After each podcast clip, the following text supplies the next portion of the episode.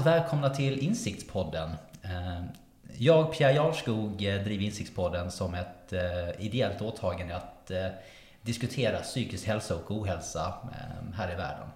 Och i det åtagandet så ja, väljer jag ut lite spännande människor och individer som jag tycker det hade varit intressant att höra ifrån kring dessa ämnena. Och idag har vi en, en av mina förebilder och tillika gammal svenska lärare till mig från gymnasiet, Stefan Kronander. Varmt välkommen! Tackar vi för. Tack! Jätteroligt att se dig igen efter Detsamma. alla dessa åren. Ja. Ehm, jag berättade här för Stefan precis innan vi började att eh, jag är numera mentor på Precivitas och det har varit en tid och jag har alltid då tänkt tillbaka på mina gamla svenska lektioner om allt man har lärt sig och kommit, kommit ihåg Stefan som en person som inspirerat en att, eh, ja, Både faktiskt eh, att ta mitt första MVG, för jag var en bra student när jag var yngre. Men att bara där, att den resan fick börja med dig. Till att ha lite bättre studieresultat. Så att Stefan, jag tänkte för lyssnarna här att du kanske kunde berätta lite grann om eh, ja, din väg till vart du är idag och varför du blev lärare och sådär. Mm. Eh, jag hade någon diskussion när jag var i tonåren med mina föräldrar med det här och jag vet att i alla fall min stackars far var så lite frustrerad över liksom typ att du är ju liksom ändå i tonåren nu. Du måste ha någon idé om vad du vill bli. Och jag tror pappa jämförde med att han visste om att han ville jobba med bank när han var liksom typ 13 och liknande på det. Men eh, jag brukar säga det till mina elever också, andra som är, eh, befinner sig lite i samma situation på det. Att, eh, det måste få ta lite tid ibland. Och eh, man måste få chansa lite och så runt omkring det. Och eh, det som kom att bli min väg till det här, det var att eh, på den tiden eh, efter att jag var klar med gymnasiet.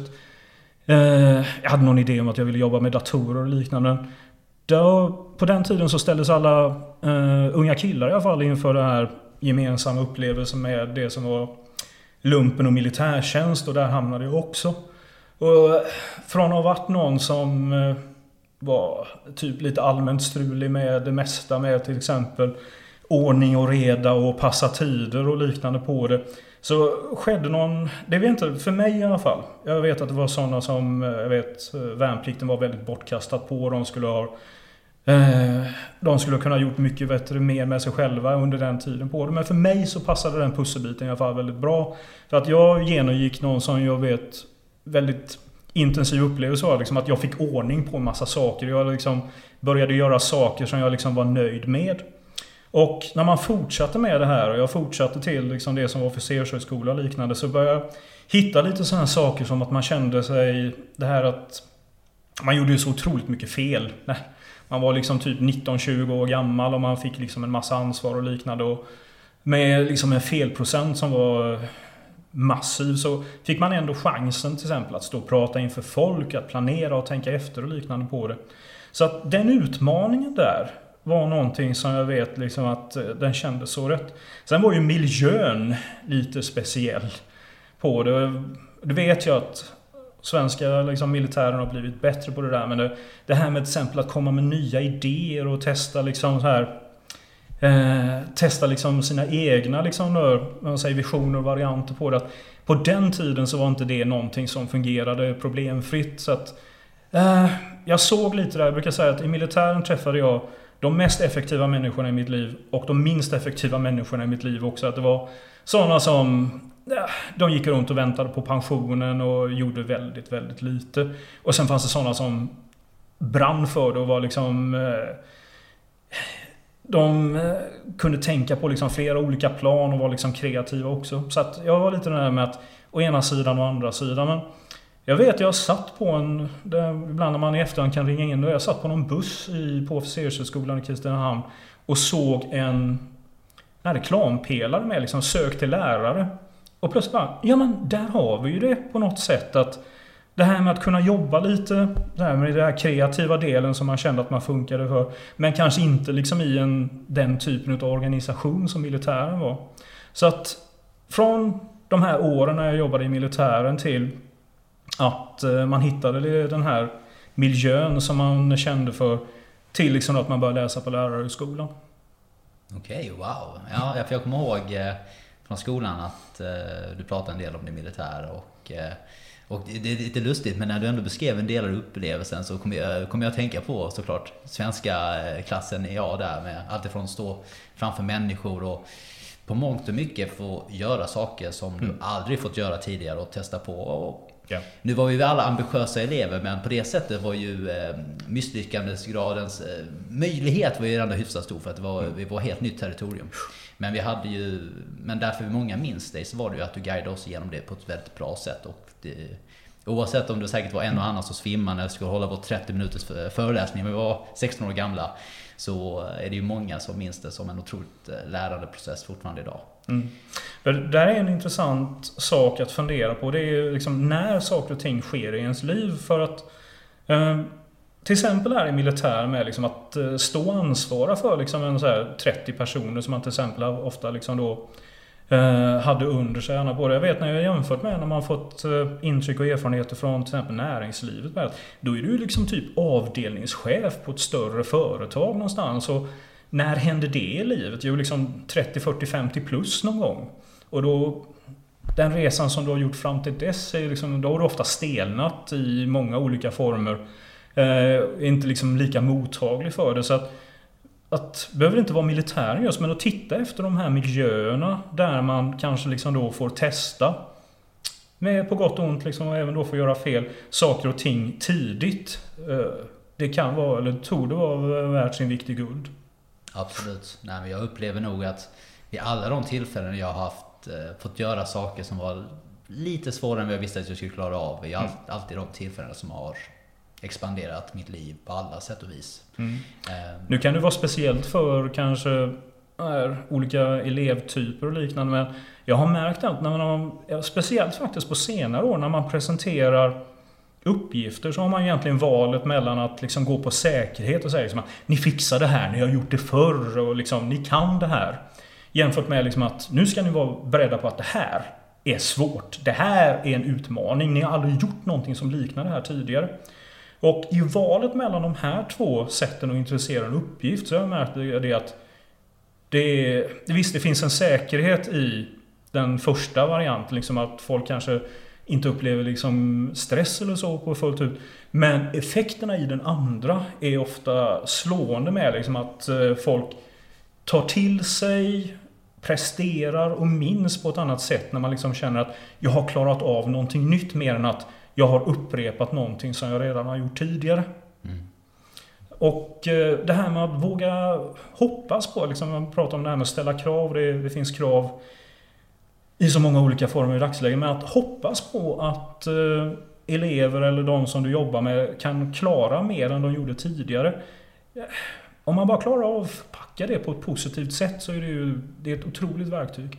Verkligen. Mm. Men var den ledarskapsstilen eller den, det sättet att förhålla dig till lärande, var det någonting som kom direkt ifrån det militära eller hur var resan som lärare där? Ja, ja det var ju faktiskt så att eh, det finns ett steg till i det här och det var så att efter de här fyra åren på lärarhögskolan så... Eh, eh hur säger man det här på ett snällt sätt?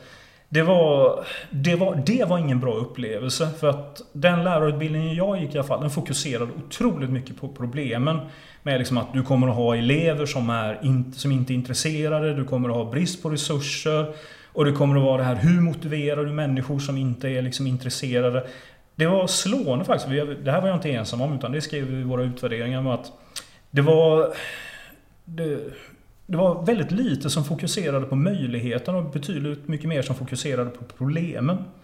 Och eh, jag vet också när man var ute och praktiserade på skolor och sånt och man såg oftast eh, undervisande personal som eh, gjorde samma sak. Det är så åh vad jobbigt det här är och jag vet jag var på en skola i Malmö där jag delade bord med två äldre språk, engelsklärarinnor som alltid avslutade dagen med att sitta och gråta tillsammans. Det, det satte sig på humöret även för oss andra till slut. Ja, så du säger det? Ja, på något märkligt sätt.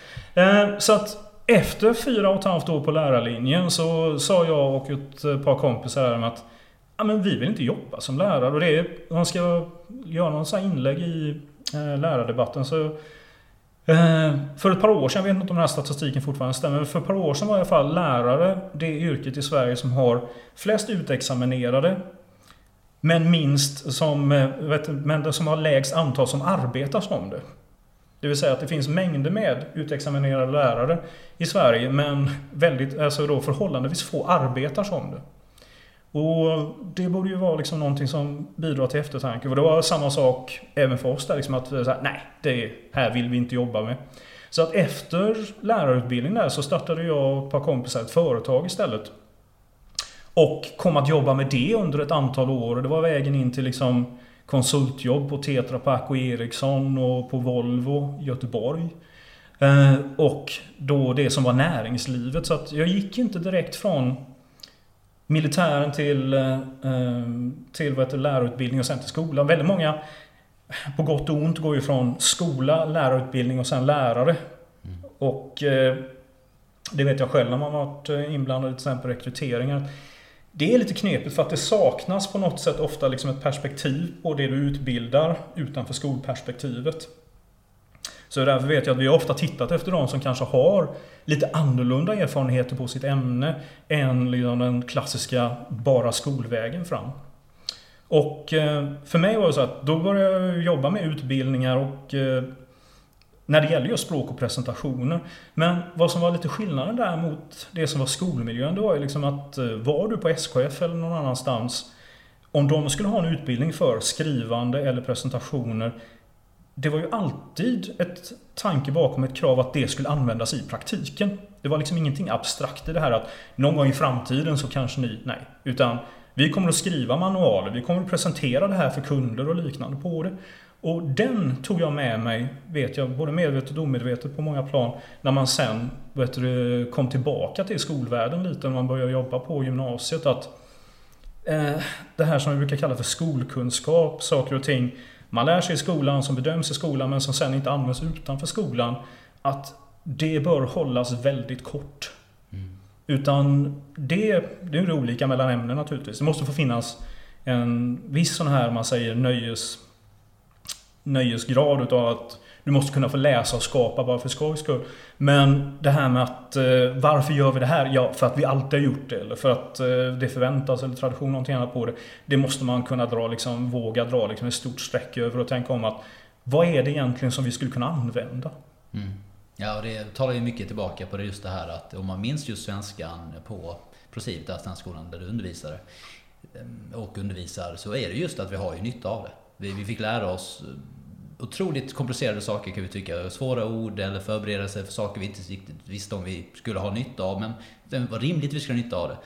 Men, och det är just det vi faktiskt har haft nytta av. Till skillnad från kanske universitetsutbildningen som jag i mångt och mycket då läste, oavsett om det var ekonomi eller global utveckling, hade väldigt mycket prat om abstrakta eller teorier som inte eventuellt är ens applicerbara på verkligheten för att man ska mindre grejer. Och det har väl fastnat hit och dit. Men just det där när du kopplar någonting till praktiskt och någonting som har med livet stort att göra, som du mm. har användning för, då sätter det sig mycket bättre.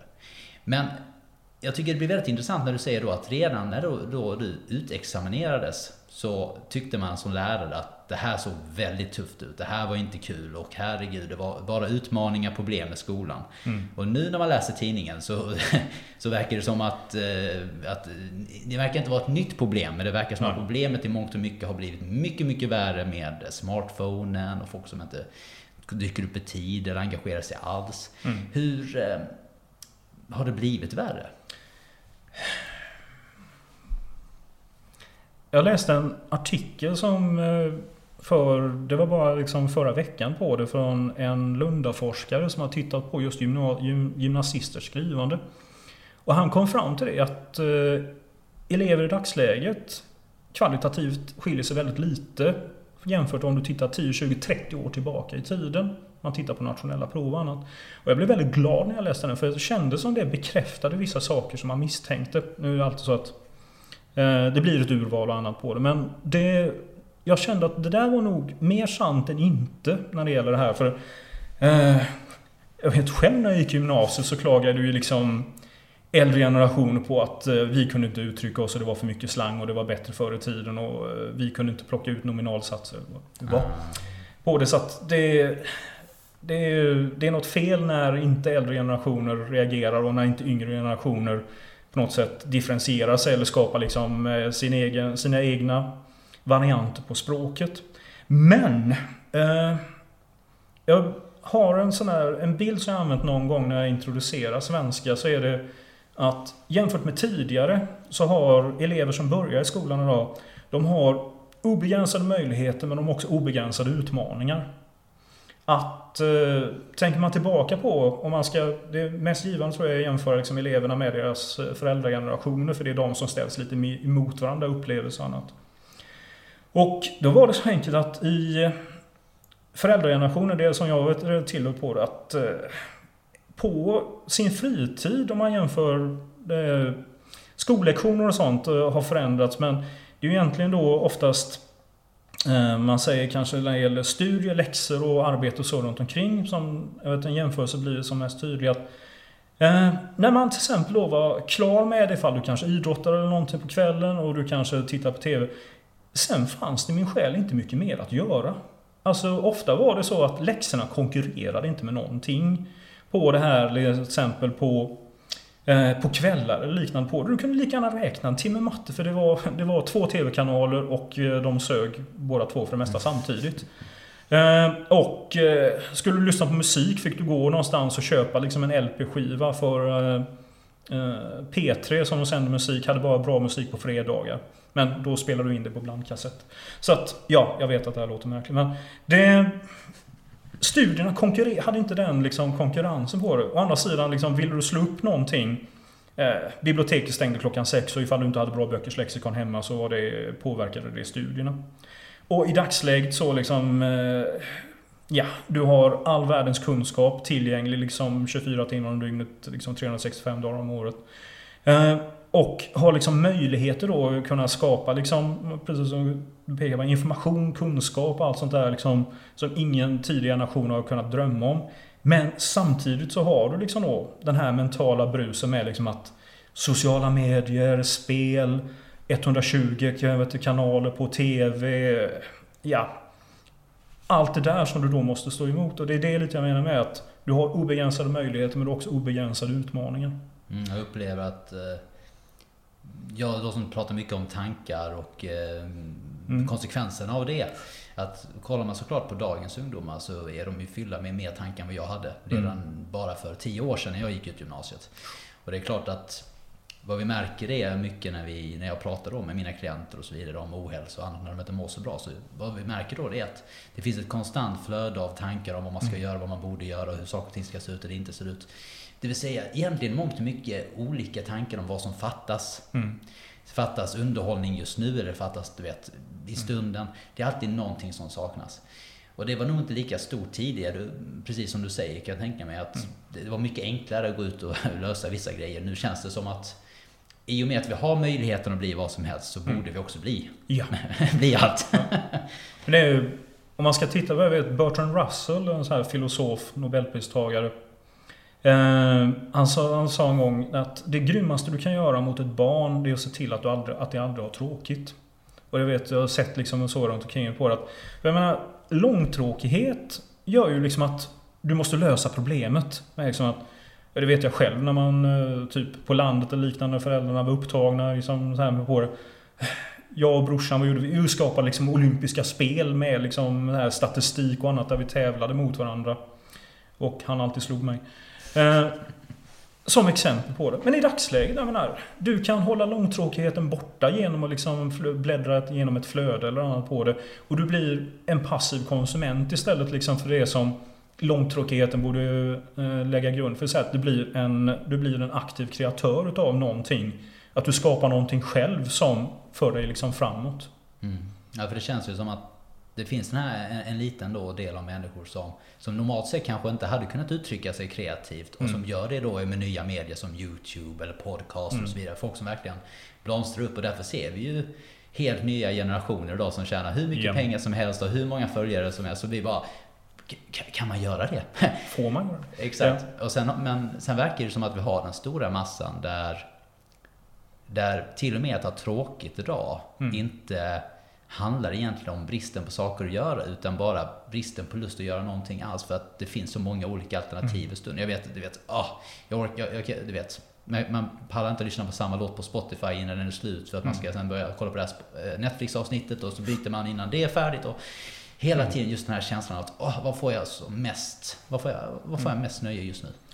Så det var, om man ska ge referens för det, var faktiskt en bra eh, krönika i Sydsvenskan på kulturdelen där eh, hon som skrev den pekade på liksom att det här bör nog slå igenom även i liksom äldre generationer på det att eh, det som tidigare var det här målet att liksom, ha så mycket som möjligt. Liksom det här med att eh, du kan liksom inte ha för många liksom reseupplevelser och annat på det. Att samhället nu genom teknik och tillgänglighet liksom har sprungit förbi det här. Det gör att vad du nu bör sikta på kanske i ditt liv, det har mindre utav saker och ting. Att istället för, jag menar du kan inte följa alla serier, du kan inte läsa alla böcker, du kan inte besöka, jag menar, förr i tiden så var ju utlandsresor ungefär synonymt med charterresor till eh, Spanien. Men nu liksom, har du inte varit i Thailand eller liksom eh, backpackat i Sydamerika, vad nu är på det, så eh, är det liksom ingenting att ha. Och just den här idén med att i och med att det här har växlat upp och liksom gjort att den här idén om att ha så mycket som möjligt är liksom den ouppnåelig så behöver vi nog istället kanske titta på det här med att Ska jag dra ner på det här? Ska jag, syk- ska jag göra mindre, färre saker? Och kanske vara nöjd med det istället för att försöka göra liksom allting samtidigt. Mm. Ja, jag tror att, eh, på tal om Netflix då, Ja. att, att bara häromdagen såg jag just en, eh, en dokumentär om just minimalism Mm. och alla dessa nya uttryck som egentligen dyker upp då i vår värld som egentligen i mångt och mycket är som att leva lite mer som det var tidigare. Va? Mm. Som då har blivit eh, coola nya trender som man ska då utföra för att må bättre. Mm. Det vill säga att eh, inte ta ett, ett steg fram som vi kanske ser i, i världen då med teknologi och rätt skaffa smartphone utan tvärtom ta ett steg tillbaka för att Mm. hitta sig själv och hitta lycka och så vidare. Och, och bara den utvecklingen tycker jag är väldigt intressant. Hur Mm. eh, ja, motsägelsefull den är på mångt och mycket men hur mycket som finns där Mm. faktiskt. Ehm, och vad tror du om vi kollar då på din skola då där du utbildar idag? Hur upplever du att eleverna mår idag i förhållande till tidigare då? Om du då kan Mm. läsa, för att bara på den eh, lilla tiden så, som, sen jag slutade 2008 Mm. till de som går ut idag. 2008 det fanns inte smartphones på samma sätt, det fanns knappt Facebook, det fanns inte Netflix, Spotify, det kom Mm. nästan året därefter. Märker du någon skillnad på hur eleverna i allmänhet mår idag psykologiskt i förhållande till hur det var när du började studera och hur det har Mm. varit längs vägen? Ja. Eh, man kan ju titta på det som är allmänt och sen kan man titta på det som blir man säger personligt eller individuellt, individuellt också. Och allmänt så är det ju så att eh, det är en kamp om uppmärksamheten.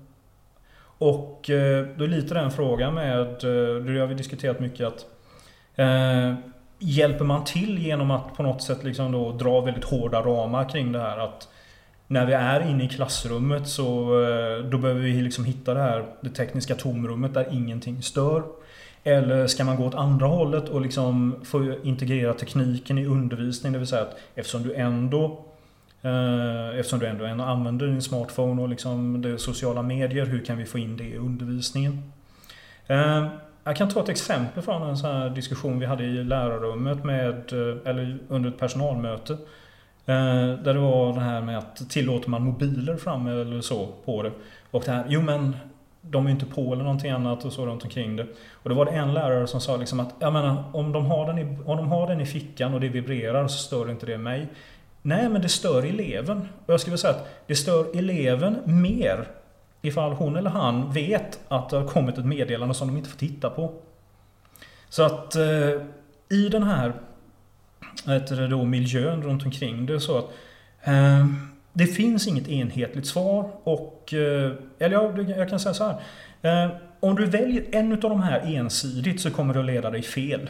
För det, då blir det, för, vet du det, det blir förväntningar och eh, folk kommer att börja liksom försöka hitta liksom vägar och så runt omkring det. Det kommer att vara en positiv effekt först, vilken du än väljer. Men den kommer urholkas allt eftersom och antagligen mycket snabbare än vad du tror. Men du måste vara med. Det får inte heller bli en godtycklighet i liksom att ja, idag är det teknikfritt och idag är det inte teknikfritt. Utan det här måste göras med en tanke bakom. Det här är svåra komplicerade saker med som kräver mycket jobb från den enskilda läraren. Men att få in det här med liksom att idag kommer vi jobba på det här sättet därför att. Eller liksom den här veckan kommer vi jobba på det här sättet därför att. Så att det finns liksom då en konsensus mellan dig som lärare och de som du jobbar med. Att vi förstår det här och vi är med på det. Att istället för att nu råkar det vara så här idag. Eh, så att det är det allmänna med liksom att det finns eh, det finns den här kampen om uppmärksamhet och fokus. Och den kan sätta sig i mycket det här med att eh, det finns ju den här teorin om att eh, dagens elever inte har egentligen eh, en jobbigare miljö än tidigare, men de upplever det så. Det vill säga att eh, betygshets eller krav i skolan eller på hemma var egentligen inte större nu än vet du, tidigare. Men de upplever det så att man Eh, antingen negativt om man menar liksom att elever har blivit eh, vekare på något sätt och tål inte utmaningar utan eh, suckar och ger upp när det liksom blir jobbigt. Åh, ska jag läsa liksom 20 sidor och så runt omkring det. Eh, och den andra då är att eh, det här är verkligen är en eh, otroligt mycket vet du, mer då komplicerad Eh, skolvärld än vad liksom tidigare generationer har eh, upplevt. Och vad sanningen ligger där någonstans mellan de här två. Eh, den kan vara allmän eller individuell på det. Det är svårt att säga. Men från den här, då, den nivån, från den här första då delen att det handlar om en kamp om uppmärksamhet och fokus. Sen ser man ju mängder med individuella utfall från det här och det kan vara elever med ätstörningar och det kan vara elever som upplever liksom eh, depressioner, utanförskap. Elever som går åt andra hållet som till exempel eh, själva då och Eh, kränker andra, näthat och liknande och så runt omkring det. Och det är ju svårt att inte se liksom då att eh, det är inte så att det går liksom en klar, enkel, tydlig liksom där orsak-verkan mellan det. Men det är ju svårt att inte tro att det finns en påverkan. Mm. Onekligen. Ja, ja. Det som slår mig bara från det här med mobiltelefoner i klassrummet och annat, det är att Även ifall det inte, som du säger, nödvändigtvis stör någon annan, men om vi kollar på det, hur enkelt egentligen vi människor störs. Hur mm. många gånger du och jag har suttit där och läst en bok och vi kan inte ta oss förbi en sida för vi börjar tänka på någonting annat. Mm. Är då en värld då det är så lätt att börja fundera på senaste avsnittet och Skam. Mm. Eller, eh, du vet, åh herregud, eh, ja nu pratar Stefan men den här andra klassen, jag har inte gjort mitt prov här och sen plötsligt kommer man på då att telefonen vibrerar och alla de här andra grejerna som man borde tänka på. Och vad gjorde min eh, vad gör den här personen jag följer nu på Instagram? Det vill jag kunna följa. Mm. Da, da, da, da, da. Och inte bara pojkvänsproblem eller flickväns. Mm. Du vet, men här kanske lite mer klassiker det var tidigare. Att, att det är klart att det gör ju att man ta sig bort från klassrummet och in i sitt huvud på ett annat sätt mm. än tidigare. Och antalet sådana tankar, sådana distraktioner har nog gjort att vi är nog mindre och mindre närvarande i min upplevelse. Mm. Eh, både när jag tittar på mig själv, hur mycket svårare jag bara tycker det blivit att läsa de senaste 5-6 åren. Mm. Medan jag när jag läste hur mycket böcker som helst till att nu är det så här, och telefonen lyser. Och vad är det för något? Man är mm. nyfiken. Till hur det fungerar i allmänhet. Och jag vet ju själv när jag pratar då med våra seniora ledarskapsteam på Eurofinans och annat. Du vet antalet mail som kommer in på en dag, eller mm. vad den är. Att, du vet, man tar med sig mailen hem och så vidare. Att, att mångt och mycket i våra förhållanden, mm. i skolan, var vi än är, så känns det som att vi människor blir lite mindre närvarande hela tiden. Får jag då lägga in en liten brasklapp? Att eh, Ibland är det ändå så att lösningen finns i tekniken på det här. Ibland på oväntade ställen. För jag vet själv att jag slog samma sak att, eh, jag vet inte om du vet, majoriteten av böckerna i skolbiblioteket på eh, skolan är mina. Är det så? Ja. Jag hade ett helt bibliotek hemma som alltså täckte ett par rum. Jag har, jag har både bilder och vittnen på det. Så att eh, jag tror att mer än, jag tror det är så här typ två tredjedelar utav böckerna är mina och det står liksom mitt namn i dem på det. Och jag plöjde mängder med Alltså böcker under ett normalår. Sen vet jag att ett år när jag kom in och liksom, jag vet när jag började jobba som konsult och annat, plötsligt började, jag vet när jag gjorde någon sån inventering ett år att men jag har läst liksom fyra böcker. Och det är liksom ingenting. Men för mig då, lite ungefär när tekniken kom, så upptäckte jag liksom några talböcker, alltså audiobooks och annat på det. Och eh, det prenumererar jag på idag, liksom Audible Storytel och allting på det. Vilket gör att bara där i pendling och liksom eh, vet vid väntan och annat på det. Så jag ligger liksom på en 50-100 böcker, alltså talböcker på ett år. Det var samma sak när jag köpte en läsplatta, en sån här Kindle. Mm. Och eh, jag hade ingen aning om var jag skulle hamna där, men jag är inne på min tredje. Och i den plötsligt så läser jag märkte att jag läser mycket snabbare och mycket mer fokuserat på den. Så att ibland finns lösningen även i tekniken när man, vet du, när man minst tror det. Sen är det ju så att där var jag ute efter att lösa problem. Jag ville lösa det här och det var liksom, jag la ner timmar och pengar på det.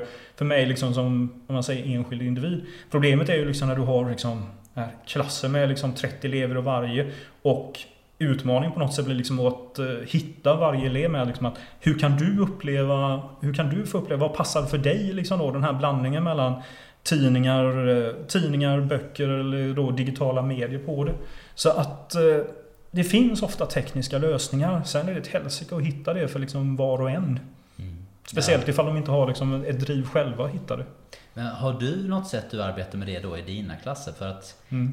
det, är, för, för det måste ju vara en, en utmaning du har till exempel ja. på, på din skola. Hur, hur, hur når du varje elev då med det? Ibland får man faktiskt bara byta ihop. Jag, minns, jag vet inte om du minns de akademiska uppsatserna? Oh, jo, det glömmer man inte. Yes, R sitter djupt på det. Jag vet, jag hade en elev som... Då, det är ju så att där får ni ju ett antal sidor att plöja. Jag, jag har faktiskt lagt allihop nu. Innan var det ju här, tusentals med eh, papperskopior. Nu har jag faktiskt lagt det digitalt så man kan läsa det. Men då var det någon elev, jag vet när jag hade eh, så här betygssamtal efter. Liksom, ja, hur känner du att det gick? Jag vill att du ska veta det. Så här mycket har jag aldrig läst för ett skolarbete hela mitt liv. Jag tänkte, det var 25 sidor. Ja, liksom, ja, Förstår du hur hemskt det måste ha varit? och det är liksom... Ja, då får man ju ta liksom så här inver, en invärtes suck och liksom byta ihop eh, på det. Att, alltså, man ska vara ärlig. Det är lite hit and miss ibland. att eh, Ibland lyckas man. Man tittar liksom på den eleven att jag tror att Gudfadern skulle kunna fungera för dig. Och liksom läsa. Eller jag tror att det här ämnet och så runt omkring. Då blir, ibland blir man förvånad över till exempel en elev som eh, kanske läser på idrottsprogrammet och aldrig läser en bok och man tänker man Det som gjorde honom intresserad var liksom en bok om, eller var inte bara en bok, men han säger fakta och även facktidningar om idrottsskador. Och det vet jag, jag pratade med honom sen, att han gick vidare till att bli så fysioterapeut och jobba med det. Att när han liksom började förstå till exempel en skada han hade haft beroende på liksom att han läste facklitteratur och så runt omkring det. Nu låter det här kanske väldigt, ah, liksom det här är lösningen så runt omkring det. Men det är lite tillfälligheter. För jag understryker det att det är inte lätt att individanpassa för om du till exempel har 120 elever. Att för var och en utav de här hitta liksom den här kombinationen vägen in och det är det finns mycket misslyckanden på vägen där liksom med folk som inte började läsa eller liksom då slutade läsa. Mm. Ja. Men det är i brist på det, jag säga att eh, ja, jag vet inget annat sätt som funkar bättre så att man får försöka helt enkelt vid de tillfällen när man ser någonting hos individerna. Men en sak som slår mig här nu, eller en intressepunkt, så här, vad, vad, får vi kolla då på läraryrket i stort nu? Mm. Och rätta mig fel, men det var då i höstas som du blev utsedd till en av Sveriges bästa lärare och fick språkpriset. Som är ett, eh, du kan berätta, vad, vad är språkpriset för något? Ja, det var, det var priset Årets språklärare. Årets ja, språklärare. Som delades ut på, i Stockholm på det som var nationella lärargalan. Så att det finns den Årets allmänna lärare, Årets IT och Årets språklärare. Årets språklärare. Så att den bedriften där att det är, eller vad ska man säga, det betyget till en själv att veta att det man gör gör en, gör en skillnad. Och nu delar du med dig av dina tankar om hur du har tänkt och vad du gör så här i klassrummet. Men om du kollar på läraryrket stort och dina kollegor i branschen. Mm. Vad tror du att många gör fel då, andra lärare runt om på kanske andra skolor. Inte, inte nödvändigtvis mm. som, som kritik, utan vad de kanske missar. För jag, vad jag är intresserad av att höra lite grann det är att för du sa ju där precis att många gjorde misstaget och kom direkt ifrån lärarhögskolan mm. in i läraryrket. Medan att du tog ju de här åren på, ja, som företagare och testade på att jobba inom den branschen. Vad var lärdomarna därifrån och, och varför tror du att många skulle haft nytta av att göra samma resa för att faktiskt komma dit och kommit idag inom läraryrket? Mm. Ja.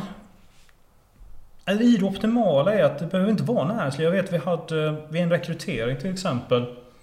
Eh, vi valde mellan ett par. Det var en tjej där som hade seglat jorden runt under liksom ett par år.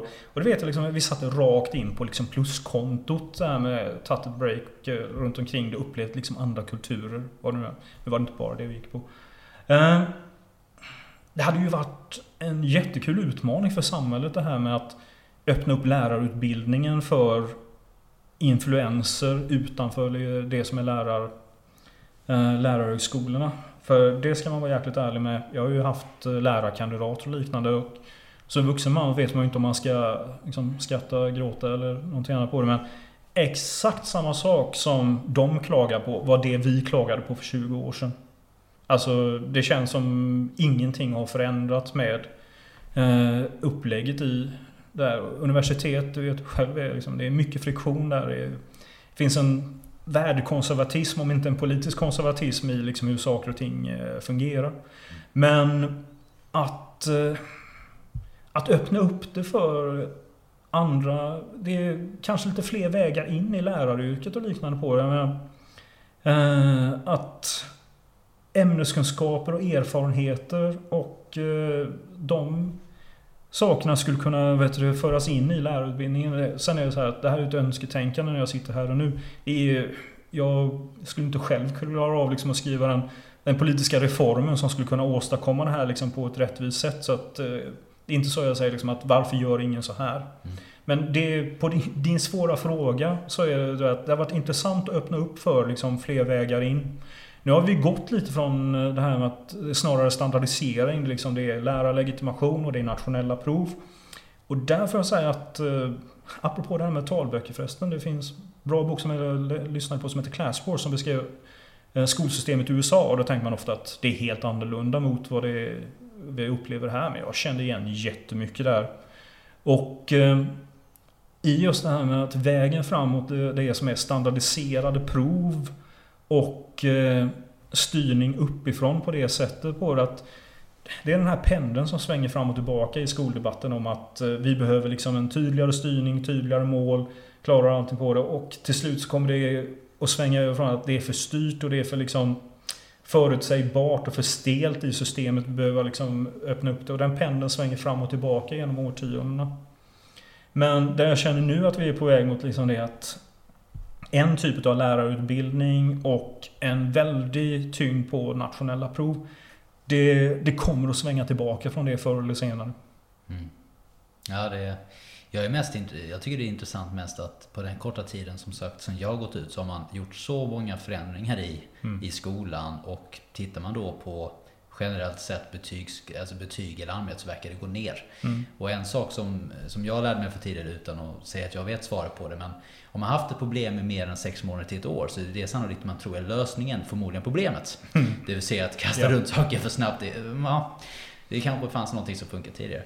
Ja. Men, men en intressant sak som jag tolkar lite grann vad du, vad du pratar mm. om där, om hur man når elever och sådär. Att att även om det finns mer distraktioner där, idag så finns det många fler sätt att lära sig på än tidigare. Yes. För det är såklart att medan någon kanske inte då fixar att sitta och läsa den här boken så kanske de plöjer igenom alla de här ljudböckerna eller de läser mycket mer online. Mm. Alltså jag menar, jag tror att en, en av grejerna varför vi svenskar är så duktiga och uppskattade mm, engelsktalare ja. är ju förmodligen på grund av all engelska vi har i vårt näringsliv. Eller vårt liv i allmänhet. Ja. Alla serier, alltihop. Mm.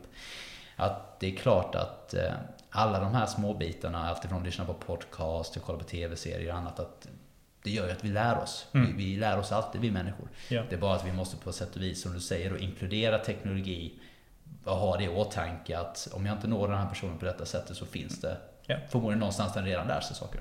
finns ju det som kallas för flynneffekten. Det här med att om man tittar på IQ-tester som går tillbaka från när de standardiserades på 20 och 30-talet. Så har den genomsnittliga IQn varje, man säger årtionde ökat. Och det är alltså inte frågan om genetik och annat på det, men eh, det är tämligen logiskt faktiskt. För jag vet själv man tänker tillbaka på eh, samhället innan då man tänker industrisamhälle, IT-samhälle, tjänstesamhälle, industrisamhälle, jordbrukssamhälle på det. att under 1800-talet till exempel att eh, den boken som du ofta kanske läste var, det, det var Bibeln inför till exempel husförhör, konfirmationer och eh, liknande för det. Ehm, och sen efter det så var det inte mycket bättre läsande annat runt omkring. Det beror på i och för sig om du bodde borgerligt eller liksom i städer på det. Och i dagsläget så är det man säger att en, söndag, en, söndagsbild, en söndagstidning innehåller mer information än vad en renässansmänniska läste under hela sitt liv. På det att eh, på samma sätt vi utsätts för bilder, vi utsätts för liksom allt från datorspel till liksom intryck. Och att det här eh, det finns en bok av eh, Torkel Tengström, Den översvämmade hjärnan, som jag tyckte hade en väldigt bra jämförelse mellan hur vi tränas ibland utan att vi är medvetna om det i ny teknik. Och det var hur tv-serier såg ut för 20 år sedan och hur tv-serier ser ut idag. Och ett sådant exempel hade den här klassiska deckarserien Starsky Hutch. Eh, den kommer tillbaka som film också på det. Den var 20 avsnitt på en säsong. Och bortsett första och sista avsnittet som var liksom en någon slags pilot och eh, någon sån här liten här cliffhanger inför nästa säsong. Så kunde du byta plats på alla de här 20 avsnitten. Du kunde hoppa över och se fem avsnitt och sen bara direkt se nästa. Det spelade ingen roll.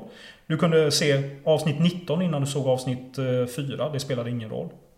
Om man då jämför med en normalserie idag, liksom Sopranos, Game of Thrones eller vad som helst. Du har så här subplots och du har karaktärer som kommer tillbaka på det. Missar du ett avsnitt i, dagsläget så, va? V vad hände?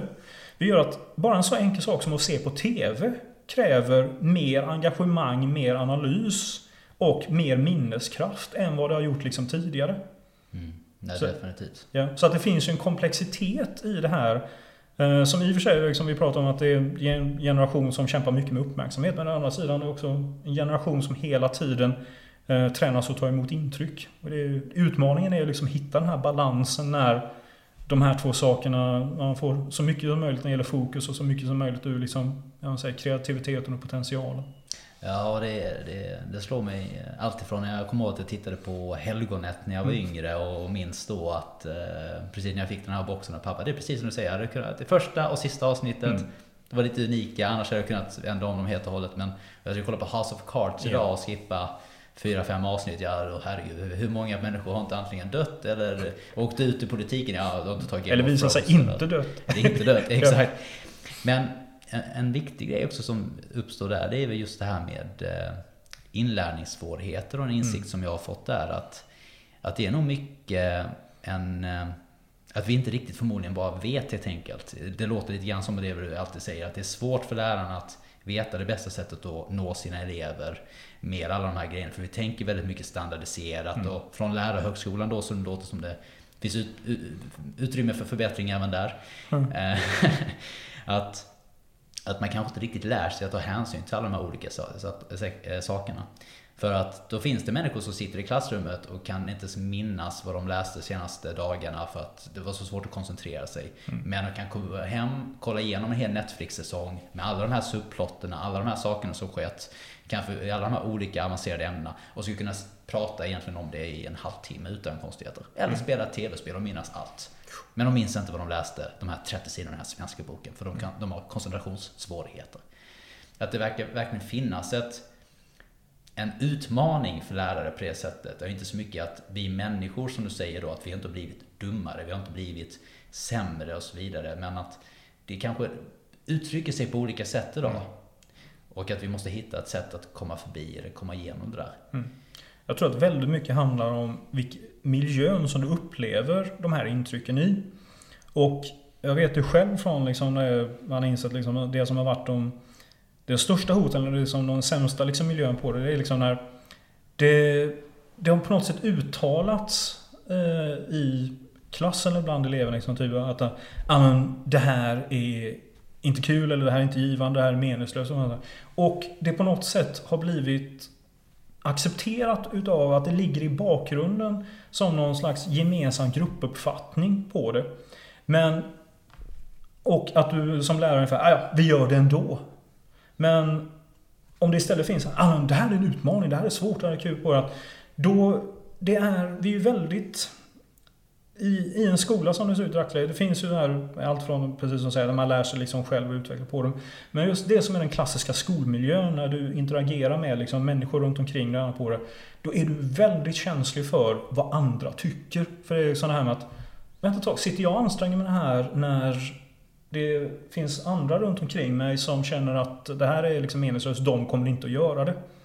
Då är det oftast en uppförsbacke. Det är ingen som, ah, det här är en chans för mig liksom och plocka på mig kunskap eh, när andra inte gör det. Utan snarare, ah, det är nog bortkastat. Jag kan, jag kan tillhöra den här gruppen som inte kommer liksom att anstränga mig fullt ut. Men är det istället här liksom att, wow, folk tycker det här är intressant liksom runt omkring mig. Jag bör vara en del av den gruppen. Så att det som ofta avgör det här, skulle jag vilja säga, det är som det är den positiva eller negativa miljön.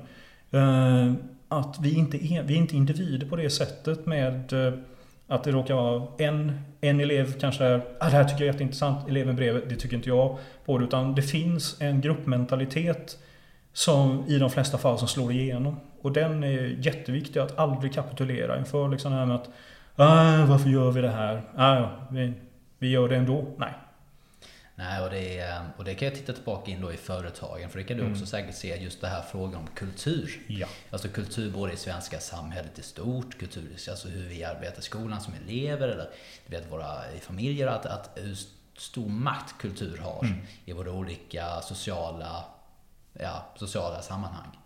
För att jag gissar att en sak som gör att Procivitas då år efter år till exempel tar sig till UF-finaler och mycket annat att, att, det är inte nödvändigtvis så att vi har mycket bättre lärare än alla andra. Nu, nu har vi extraordinärt bra lärare där också såklart.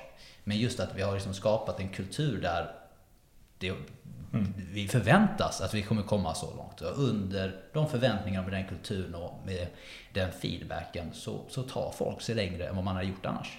Det är helt rätt. Ja, vi har diskuterat det. Jag har sagt att du skulle kunna byta ut personalen ett år men du skulle inte kunna byta ut eleverna ett år eh, och liksom få det att fungera.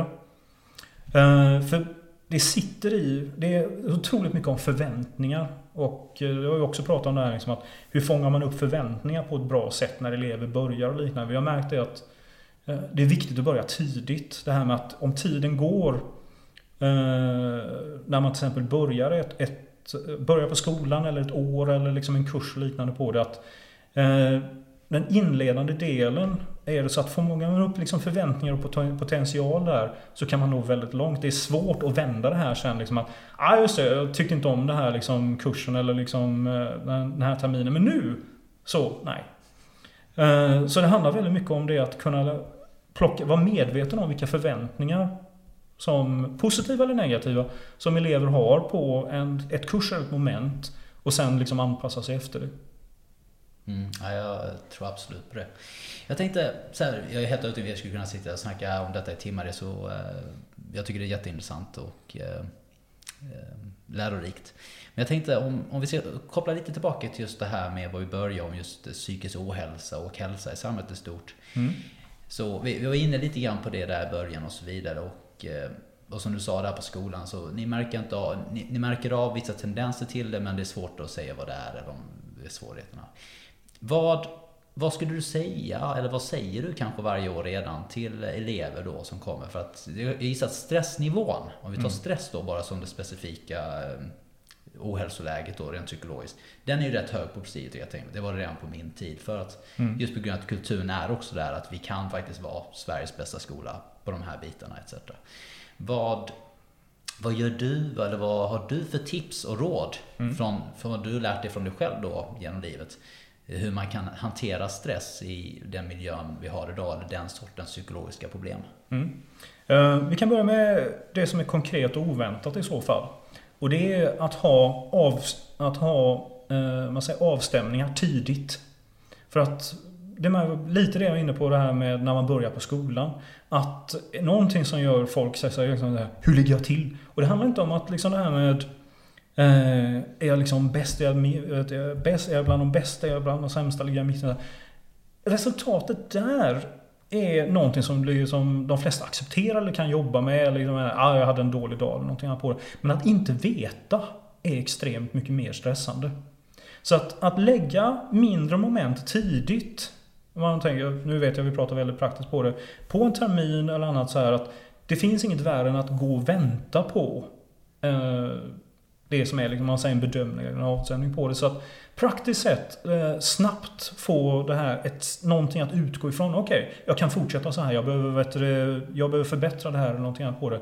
Istället för liksom att det, allting bara bygger upp till ett stort moment. Eh, för det är det så att det bara bygger upp till ett moment som examineras annat på det så brukar de... Eh, det brukar vara färre som lär sig från det. Utan, ah, men det gick bra eller det gick dåligt och så runt omkring det. Är det så att du har något moment tidigt så brukar man, okej, okay, nu reagerade jag på det här och lyckades bättre eller sämre eller du, på samma nivå senare. Då bör man inse liksom att jag kan påverka det jag gör. Mycket mer än att det bara, det bara blev så på liksom ett stort moment på slutet. Mm. Mm. Eh, sen den andra delen, vet du, man tänker runt omkring stress och liknande på det. Att, eh, jag tror att det, det, handlar väldigt mycket om miljön runt omkring eh, lektionerna. För vad man säger där annat, det är precis som ungefär utbildning i övrigt på det. Att det känns ofta som liksom att, eh, okej, okay, det var lite som jag sa där. Det, eh, om man säger att ni kan det här eller det här är svårt och liknande på det. Men det jag känner att man har gjort absolut mest det är, liksom när man, det är runt omkring eh, lektionerna. Man träffar folk. Liksom här, hur går det? Och liksom annat. Eh, när man ser folk som sitter och pluggar eller så runt omkring det. Att man, jag försöker göra det att man sätter det i, man sätter det i ett system att liksom, hur känner du att det går och så runt omkring och tittar efter det här. Att man diskuterar vid de tillfällena eh, när man är på liksom, en individnivå runt omkring det.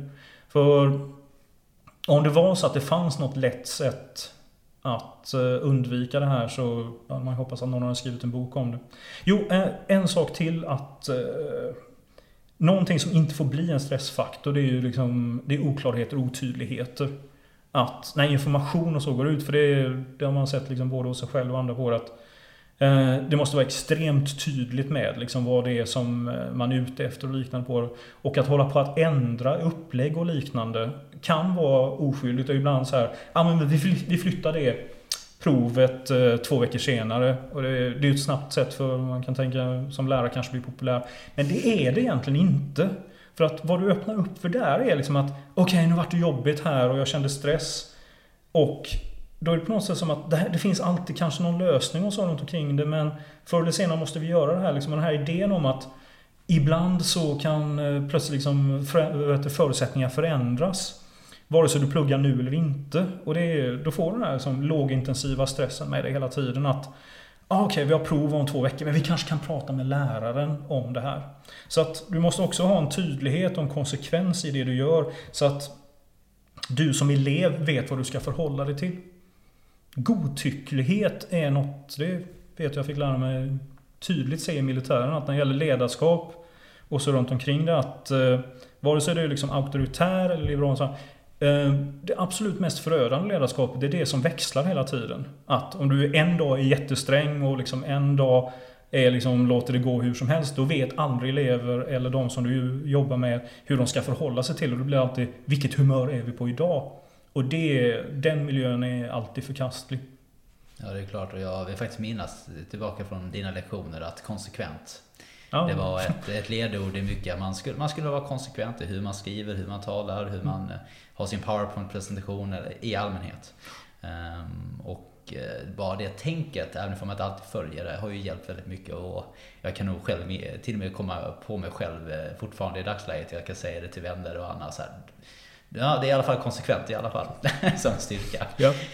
Men, men du är ju väldigt framgångsrik som lärare på det sättet att du har blivit uppmärksammad av dina elever och du har blivit uppmärksammad av eh, på den här galan häromdagen. Hur har du själv hanterat sådana här svåra tillfällen? För jag antar, du har ju varit lärare nu i eh, plus 15 år. Du har varit på Presidia sedan 2002 sa du. Har, har du haft tillfällen där under terminen där du känt att ah, de här eleverna kan inte jag nå. Hur, hur ska jag nå dessa? Eller det här är inte kul, jag fixar inte det. Hur, vad har dina insikter varit där? Hur, hur har du lyckats ta dig igenom genom det? För jag mm. menar, det måste finnas elever som känns helt omöjliga, och måste finnas vissa år som bara känns roliga. Vad har dina insikter själv där?